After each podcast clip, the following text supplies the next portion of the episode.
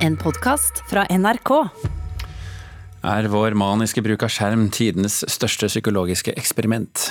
Det er spørsmålet i den nye boka til Bjørn Gabrielsen. Han sitter utenfor studio her og venter. Han har fått en kopp kaffe og skal komme og snakke om dette om ikke så veldig lenge. Så kan vi ta med at det er forsinkelser og innstillinger på Østfoldbanen nå pga. et tog som sperrer sporet ved Rosenholm, eller Bane Nor. Bane Nors pressevakt sier til VG at toget har stanset på Rosenholm pga. en teknisk feil, og at folk må belage seg på at ting kommer til å ta litt tid. Så vet vi det. Ja. Den splitter nye serien Norsk-ish har allerede fått strålende kritikk. Musikken er et sentralt element som gjør det ekstra spesielt. Det sier kommunikasjonsrådgiver og samfunnsdebattant Nastaran Kovkabi.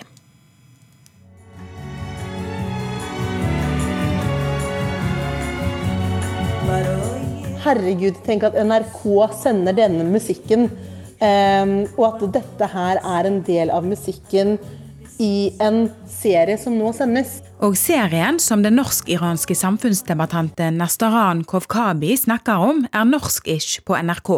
Kovkabi er blant de mange som har fallet for serien, og særlig musikken i første episode av den velkjente iranske artisten Gugosh. Jeg har aldri vært noen fan av Gugosh selv, nødvendigvis, fordi det er jo gjerne den eldre generasjonen som hører på den type musikk. Men jeg kan likevel sitte, og det gjorde jeg både i går og i dag, og ha litt gåsehud og være litt rørt. Nei, Det er jeg jo veldig glad for å høre. Regissør Terje Ragne sier musikken er brukt bevisst som et viktig verkemiddel i serien. Så Stemningen skal jo være ganske dokumentarisk og autentisk. og eh, Vi var jo opptatt av å ikke, ikke få et sånt et norsk sound på det, men uh, ha noen elementer av at, at, det skal på en måte være låte som noe mer et mer innslag av Balkan og Midtøsten. og og instrumentering som ikke brukes så mye i, i Vesten og i Norden. Da.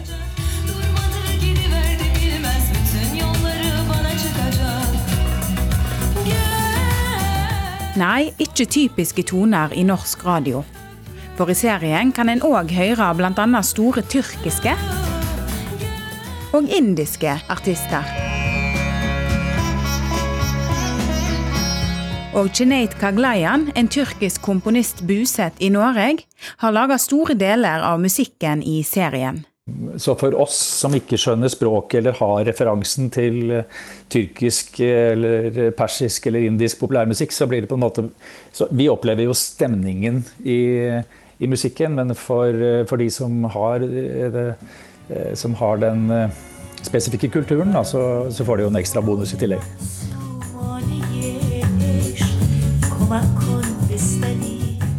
For meg, som da har iransk bakgrunn, så, så er det utrolig spesielt. Eh, som sagt, Ikke nødvendigvis fordi jeg hører på den musikken selv, men, men det er noe med denne her representasjonen som er så utrolig viktig. Eh, og det å også kunne vise utad litt av egen kultur, eh, men også å føle at man blir tatt på alvor, og at det er musikk som passer inn, og som kan assosieres og tilegnes til de ulike hovedkarakterene. Ja, det sa til slutt kommunikasjonsrådgiver og samfunnsdebattant Nastaran Kovkabi. Reportere Ida Yasin Andersen og Hedder Ørbekk Eliassen. Festivalsjef i Oslo World Music Festival, Alexandra Erketi Stølen, god morgen. God morgen. Hva syns du om eh, musikkbruken i serien?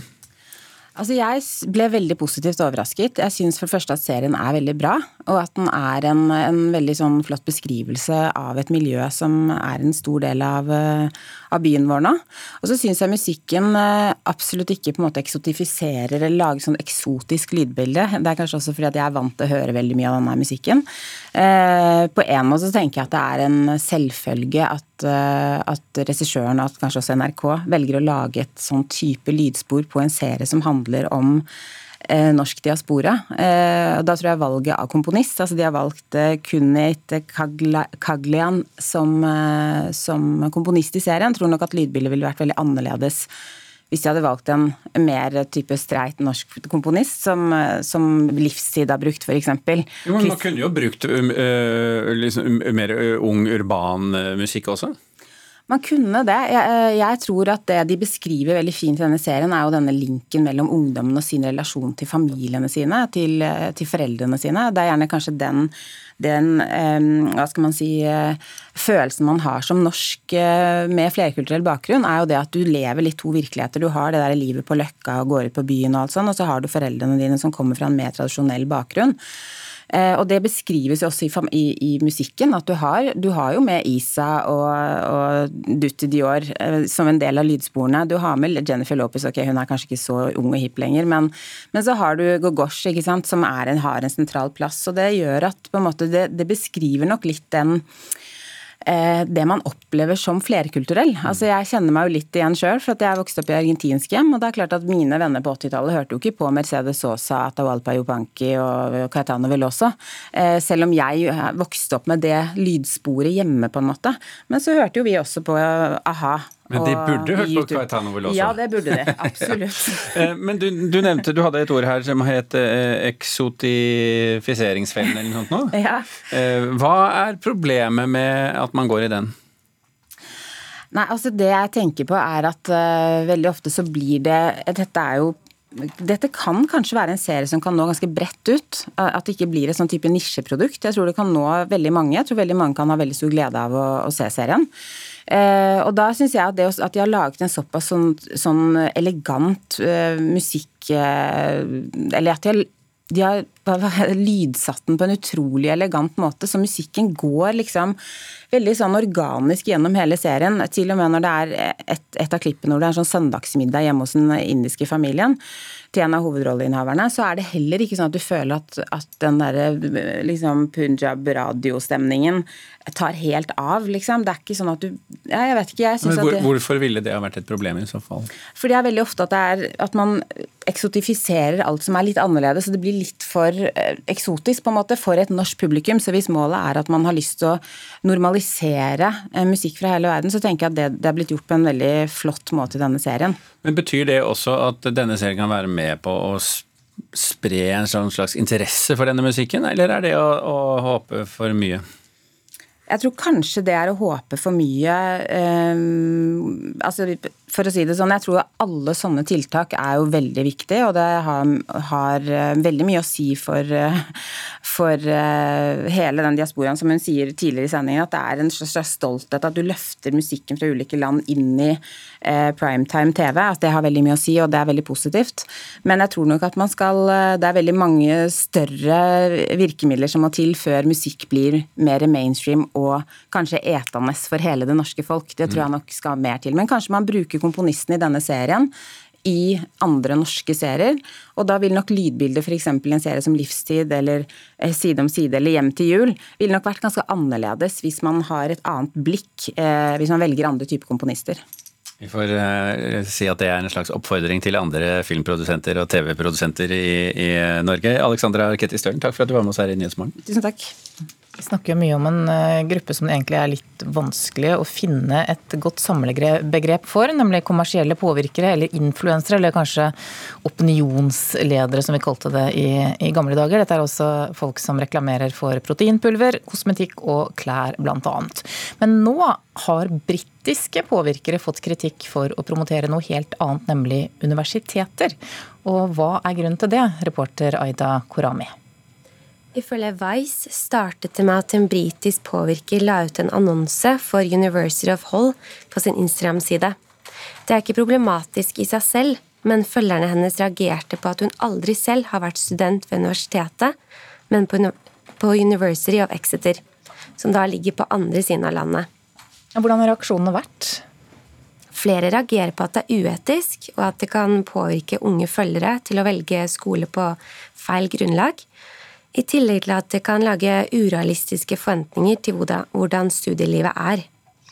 Påvirkeren og University of Hall har takket nei til å kommentere saken, men ifølge Vice mener blogger og påvirker Grace B at denne type partnerskap er helt legitime, da universiteter er virksomheter. Samtidig så kommenterer flere at høyere utdannelse er ikke det verste de kunne ha promotert. Men Ser vi at det er flere påvirkere som reklamerer for universiteter eller skoler? Det er en økende trend med slike partnerskap. Ifølge Vice finnes det en egen YouTube-kanal som StudyTube eller EduTube, hvor bloggere snakker om studielivet og gir tips til studenter. Ok, Takk skal du ha, reporter Aida Korami. Ja, skal vi inn på teaterscenen isteden, for den amerikanske dramatikeren Annie Baker foregrep både metoo og Donald Trump i sitt stykke Antipodene.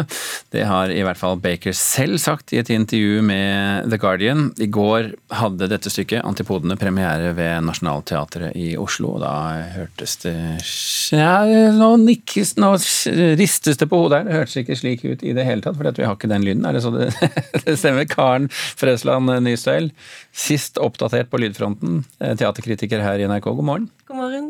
Vi får klare oss uten lyden. Um, du var jo på premieren, så du vet jo hvordan det hørtes ut. Eh, hva slags stykke skal vi si antipodene er? Altså, Hvis jeg, Birger, skulle be deg fortelle ei historie akkurat nå, hva ville du ha valgt? Og jeg kom på en jeg hørte på en kurs en gang, som jeg drillet og kan utenat. Men jeg trenger ikke å ta den nå, men du har et eller annet som kom opp i pannebrasken med en gang. ja. Eh, sånn er det stykket egentlig. Altså, det er et stykke om fortellinger. Det er en, eh, rett og slett på en måte som en lang øvelse i historiefortelling.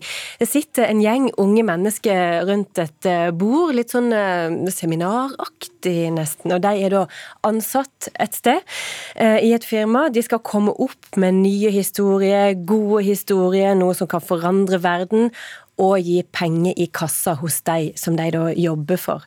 Så det er et slags eh, forskningslaboratorium der alt er lov av historie, og bak så står det mektige menn som skal tjene penger på dette her. Det, til dels likegyldige menn som du aldri ser, men som finnes der bak. Så det er Sånn Dekamerone-aktig? Ja, kanskje det. Altså, det er som et leirbål. Altså, fortellingene våre oppsto jo liksom rundt dette leirbålet i eh, leirbålenes og eventyrenes tid. Eh, dette er et leirbål i kapitalismens tid, vil jeg si. Altså, det er en søken etter mening i samtidstilværelsen opplevelsen. Så er det den eh, erfarne Alexander Mørk Eidem som har regi på, mm. på forestillingen. Hva har han gjort? Han har for det meste sittet hjemme i Stockholm og regissert via Zoom, for det har ikke vært så lett for han å reise til Oslo i disse tider. Så uh, dette er et produkt av avstandsregi, rett og slett. Kan man, kan man, se det? Det er litt vanskelig for meg å si. Altså, det er veldig gode skuespillere på scenen, men jeg tok meg sjøl i å tenke at nærvær i rom kunne kanskje henta fram enda flere finurligheter i et stykke som er veldig rart, som plutselig vender seg og blir litt sånn overnaturlig, og som inneholder masse rare små episoder som ikke du helt klarer å plassere. Og det er jo faktisk først når det overnaturlige og nesten skrekkaktige får plass, at stykket løsner sånn virkelig på ordentlig. Men denne påstanden om at Annie Baker, altså dramatikeren her, foregrep eh, både metoo og Donald Trump, eh, på hvilken måte kan det eventuelt leses av stykket? Jeg tenkte faktisk på det underveis, og så hørte jeg det om stykket etterpå. At lederen for denne gruppa spilles av Eindride Eidsvoll. Og han kommer i eninger med nedlatende replikker om kvinner, altså litt sånn grab them by the pussy-aktige ting, som ingen reagerer på. Det bare er helt i orden for alle som sitter rundt det bordet. Eh, og da tenkte jeg hæ, er det ingen som skal liksom riste i noe her nå? Eh, og så har denne karakteren en veldig skiftende lederstil, bruker ulike hersketeknikker hele tida. Du skjønner at han lyver, han forsvinner, han kommer tilbake og bare sier et eller annet. Altså, han er veldig upålitelig. Eh, og der, eh, der, er kanskje noe av det Baker tenkte at hun så på en måte før det kom. da. Dette stykket hadde premiere i 2017, men er jo skrevet før det. Eh, men først og fremst så er jo dette en historie om mennesket i dag, jakta på mening. Altså, Vårt felles utgangspunkt er jo bare én ting. Kunsten dreier seg dypest sett rundt dette ene faktum at vi alle skal dø, og vi er nødt til å håndtere det på en eller annen måte. Og gjennom historie så, så plasserer vi oss sjøl i en sammenheng. I en sammenheng som er annerledes enn vår, og det er det vi trenger. Skal vi prøve oss på en liten konklusjon? Ja, eh, altså det er ei eh, Det er ei god forestilling. Den er underfundig og merksnodig, egentlig. Den, jeg så den jo i går kveld, så jeg kjenner at den trenger faktisk litt tid på å plassere seg i meg. Eh, men jeg syns den sier ganske presise ting egentlig om samtidsmennesket, om jakta etter mening, jakta etter å plassere seg sjøl. Når du sjøl har et kort stund du er her på jorda, mens jorda den overlever deg, og, og, og naturen går sin gang, og så prøver man liksom å finne et eller annet å holde fast i i løpet av den tida. Og det er jo litt fint. Karen Frøsland Nystøyl, NRKs teaterkritiker, takk for at du var med. Du har hørt en podkast fra NRK. Hør flere podkaster og din NRK-kanal i appen NRK Radio.